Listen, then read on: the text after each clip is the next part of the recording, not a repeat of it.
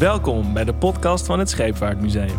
De IJskast. In deze podcast gaan wij Tim en Paul, met echte experts op expeditie naar verhalen over Willem Barents, klimaatvluchtelingen Russische ijsbrekers. en nieuwe mogelijkheden in het Noordpoolgebied. Dus trek je winterjas en skisokken aan. Het wordt koud, koud, koud.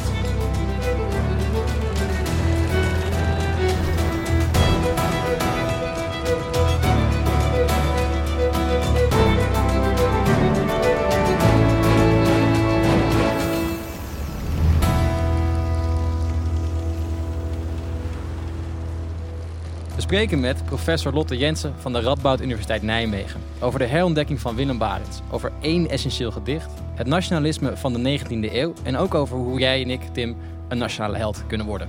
Ja, want iedereen kent het verhaal van de overwintering op Nova Zembla wel. Maar waarom eigenlijk? En was het niet een van de vele mislukte pogingen om een noordelijke doorvaartroute te vinden? Nou, eh, kennelijk niet, hè? Nee, ja.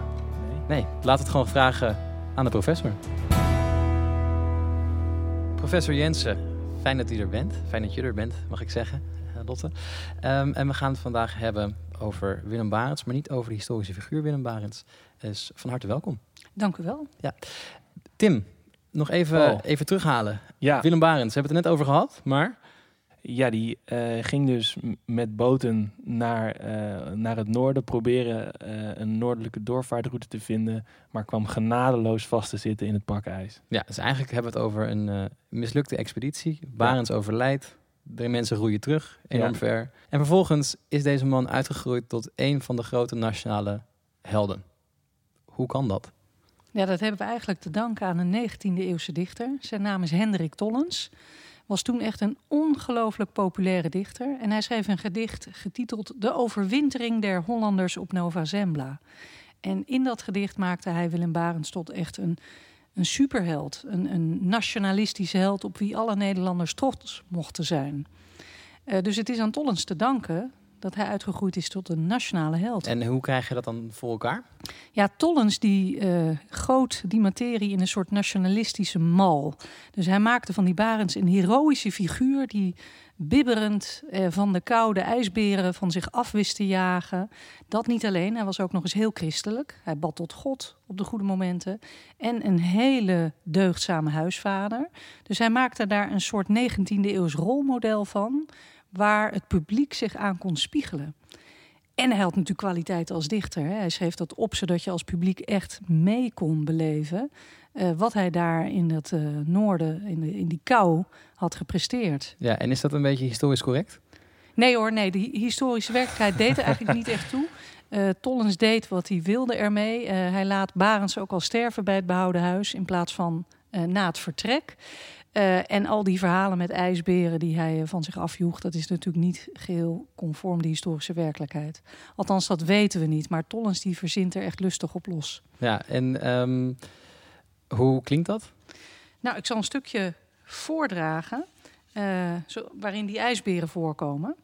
Altijd En- spannend, ijsberen. IJsberen, Ja. leuk. Ja. Ja. Een aantal beren van de honger opgestoten belegert hen in het huis en houdt hen omgesloten. En rekt zich snuivend langs de planken rechtop uit. Zij lekken zich de mel en hunkeren naar de buit. Doch Barends blijft bedaard in de aangedrongen nood. Komt, roept hij, makkers komt! De vijand aangevallen, verdreven of vernield, bestreden met ons allen. Dus je hoort wel wat een held die Barends is. Hè? Hij is het die zijn makkers aanvuurt om die ijsberen te lijf te gaan.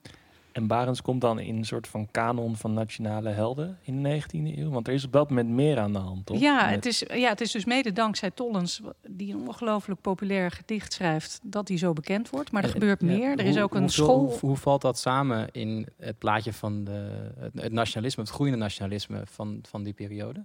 Nou, Tollens past in een trend van groeiend nationalisme. Eh, je ziet heel veel schrijvers die het vaderland gaan bejubelen. Iedere dichter bejubelt eigenlijk het vaderland. Eh, de christelijke deugden eh, is trots op zijn vaderland. Men zoekt naar nieuwe helden. Daar horen ook Michiel de Ruiter bij, andere zeehelden. En Willem Barents past daar naadloos in. En heeft dat te maken met ja, de kwaliteiten van hem als, als historisch figuur? Of gewoon wat, wat Tollens daarvan gemaakt heeft? Maar eigenlijk wat Tollens ervan gemaakt heeft. Dus, Dus, hij heeft gewoon gaat- eigenlijk gewoon het hele personage heeft hij verzonnen? Nee, dat niet. Hij had natuurlijk wel uh, bronnen ter beschikking. Er was ook al een dichter voor hem, Jan Frederik Helmers, die Willem Barens had beschreven in een heroïsch gedicht, De Hollandse Natie. Nou, dat moet Tollens gekend hebben. Um, en afgezien daarvan heeft hij vast ook via omwegen iets van dat verslag van Gerrit de Veer wel gekend. Maar het gaat er eigenlijk om wat hij ermee doet het gedicht wat hij daarvan schrijft. En Tollens weet echt precies de juiste snaar te raken. Precies dat wat het publiek wil horen. Want in, in wat hebben we het over halverwege de 19e eeuw, willen mensen graag horen dat iemand God, godvrezend is en een goede huisvader? Ja, 1819. Dat, dat is de essentie van de Nederlander. En de Nederlander is uh, deugdzaam, christelijk, een goede huisvader. Maar men heeft ook behoefte aan heroïsche helden. In een tijdvak dat Nederland er zelf op Europese schaal eigenlijk niet meer zoveel toe Ja, want dat is best interessant. Je zegt het wordt gepubliceerd in 1819. Nederland bestaat dan nog niet gek lang, toch? Het, Koninkrijk der Nederlanden bestaat nog niet zo gek lang. Dus we hebben dan koning Willem I. Ja, ja. En uh, inderdaad is er behoefte aan uh, nieuwe helden, uh, nieuwe heroïek. er wordt in die tijd ook een volkslied, een nieuw volkslied... door diezelfde Hendrik Tollens geschreven. Is, de blanke... wie Nederlands bloed in de aderen vloeit. dus dat past echt in een patroon. Een Europees patroon overigens, want alle landen gaan dat doen. En waar komt dat vandaan? Waarom is dat? Waarom willen we ineens Nederlander zijn? Nou, het heeft alles te maken met het eh, verslaan van Napoleon. Een tijdvak van uh, uh, diepe, uh, ja, eigenlijk een diepe val van het land, waarin Nederland eigenlijk tijdlang ingelijfd is geweest bij Frankrijk. En met koning Willem I aan het roer wil men als het ware nieuwe, nieuw elan uitstralen. dus een nieuwe glorie, nieuwe helden, uh, in ieder geval uitstralen dat Nederland ertoe doet. Ja, ja, ik bedoel, we zitten hier in het Scheepvaartmuseum en hier aan de steiger ligt onze koningsloep. Ook typisch zo'n uh, zo'n 19e eeuws voorbeeld van, uh, van het zelfbewustzijn. Kan ik dat goed zeggen? Of de... Ja, absoluut. Het is een poging ook om dat zelfbewustzijn leven in te blazen. dus in die zin, men plukt uit de geschiedenis wat men daar geschikt voor acht. Vooral de opstand tegen de Spanjaarden doet het goed. De zeehelden natuurlijk. die 17e eeuw is echt zo'n tijdvak waar je eindeloos uit kan putten om nieuwe helden te zoeken. En Willem Barens is een van die helden die daar dan komt bovendrijven. Maar is dat ook dan niet zo, omdat het ook gewoon fijn is dat misschien Willem Barens ook niet heel veel persoonlijkheid had, of in ieder geval, in ieder geval heel veel van weten, dat het gewoon als een soort van canvas wordt gebruikt? Ja, dat kan wel meehelpen. Want er zijn meer van die onbekende helden die destijds heel groot zijn gemaakt en waar allerlei eigenschappen aan zijn toegedicht. En later is dat wel door historici weer ontmaskerd. Maar tegelijkertijd moet je, moet je het ook zo zien, het is een gedicht. En in de verbeelding, in de literatuur, kan natuurlijk meer dan in een historisch verslag. En dan mag het natuurlijk ook. En dan mag het ook. Dus dit deden alle dichters in die tijd. Maar Tollens was er gewoon hartstikke goed, in. En waar ik ook nog wel benieuwd naar ben, is de verspreiding hiervan. Want dat is ook wel iets wat ik me nu niet zo goed kan voorstellen. Kocht je dan een gedicht zomaar bij de, ja, de boekhandel, bij wijze van spreken? Dat je een paar gedichten kocht? Of werd dit op een andere manier verspreid? Nou, je kon het inderdaad bij de boekhandel kopen, maar een hele belangrijke verspreiding was in de genootschappen. Dat waren een soort literaire clubs die bij elkaar kwamen. Daar droegen ze dit voor.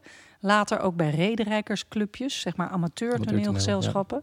En de scholen niet te vergeten, want dit werd verplichte lectuur op alle scholen in Nederland. Dus men kon, uh, men kon het gewoon delen ervan uit zijn hoofd. Dat kunnen we ons nu niet meer voorstellen. maar dit was gesneden ja, koek voor iedere Nederlander. En is dat, is dat niet alleen dan uh, op de, de basisscholen en de middelbare scholen aan, aan de orde, maar is dat, uh, of in de 19e eeuw alleen maar, maar groeit dat dan verder ook nog door? Zijn er latere momenten waarin mensen teruggrijpen op Tollens?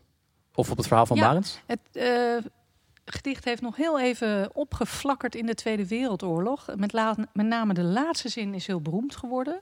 En rekent de uitslag niet, maar telt het doel alleen.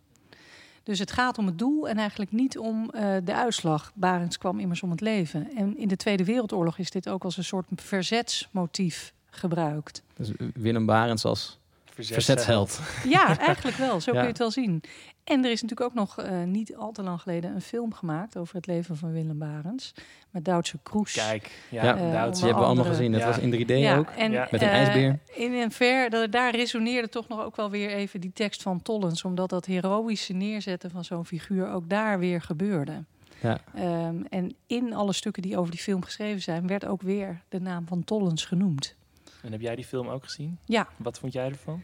Um, nou, kijk, je moet de historicus in jezelf uitzetten. Mm -hmm. uh, maar ik heb me uitstekend vermaakt bij die film. Ja, hoor. Maar ik wat vind voor dat een prima die manier op de om- schoorsteen komt. Ja. eh, Nee, kijk, ik vind het, het. Als ik van Tollens hou, dan moet je ook van zo'n film houden. Want het gaat niet om de historische werkelijkheid. Het gaat om het, eh is hetzelfde mee laten trucje. beleven van het publiek van een verhaal uit het verleden. Dus als ik de historicus in me uitzet en gewoon de, de entertainer, eh, bij wijze van spreken, Ja. de vrije loop laat, dan vind ik het hartstikke leuk. Zo'n Laten film. wij dat ook even gaan doen. Even onze, onze innerlijke historicus uitzetten. Ja. En dan ga ik u een hele flauwe vraag stellen. Hoe worden Tim en ik een held? Want we zijn al een tijdje aan de weg aan het met onze podcast. Maar Ons merk, we moeten even in de kanon terechtkomen. Ja. We willen graag op het, eh, op het geld terechtkomen. Hoe worden we dat? Ja, dan moet je iets heroïs doen om te beginnen, maar vooral zorgen dat het heel heroïs verteld wordt. Dus dat het goed geframed wordt. En daar heb je allerlei nieuwe media voor nodig tegenwoordig. Ik denk niet dat een gedicht je nu nog eh, die roem zal brengen. Maar hoe kom je in de kanon? Ehm, nu moet je denk ik iets anders redden, namelijk eh, bijvoorbeeld het klimaat of iets dergelijks. Dus waar, waar Barends gaan vechten was tegen de ijsberen, moeten wij de ijsberen gaan redden. Zo is dat. Oké, dankjewel. We werden hier even goed omarmd door de vaderlandslievende mantel van professor Lotte Jensen. En wat was het lekker, Paul. Ja, het was lekker warm. Hè? En Tim, ehm, nu ik het toch over heb, wie denk jij dat onze Willem gaat worden? Jeetje, Paul, daar vraag je me wat. Denk je aan een Justin Bieber? Oeh, ik hoop het niet hoor. Misschien Frenkie de Jong? Of Eberhard van der Laan gewoon. Het zou mooi zijn. hè? Wees lief voor elkaar en wees lief voor de stad. Of andersom. In de volgende aflevering gaan wij praten met conservator bij het Scheepvaartmuseum, Diederik Wildeman. We gaan het weer hebben over Willem Barends. Weer over Willem Barends worden achtervolgd door deze man. Ehm, maar in welk aspect komt Willem Barends dit keer weer terug? We gaan het nu hebben over de Poolschoener. Wat is een polschoener, Tim? Ja, gewoon een zeilboot eigenlijk. Gewoon een zeilbootje. Een vrij, een vrij forse, maar toch. Een bootje. Ja, leuk. Laten we gaan varen. Wil je na het luisteren van de ijskast meer weten over het verleden, het heden en de toekomst van het Noordpoolgebied? Verlaat dan je behouden huis en kom tussen 4 oktober en 10 mei naar het Scheepvaartmuseum.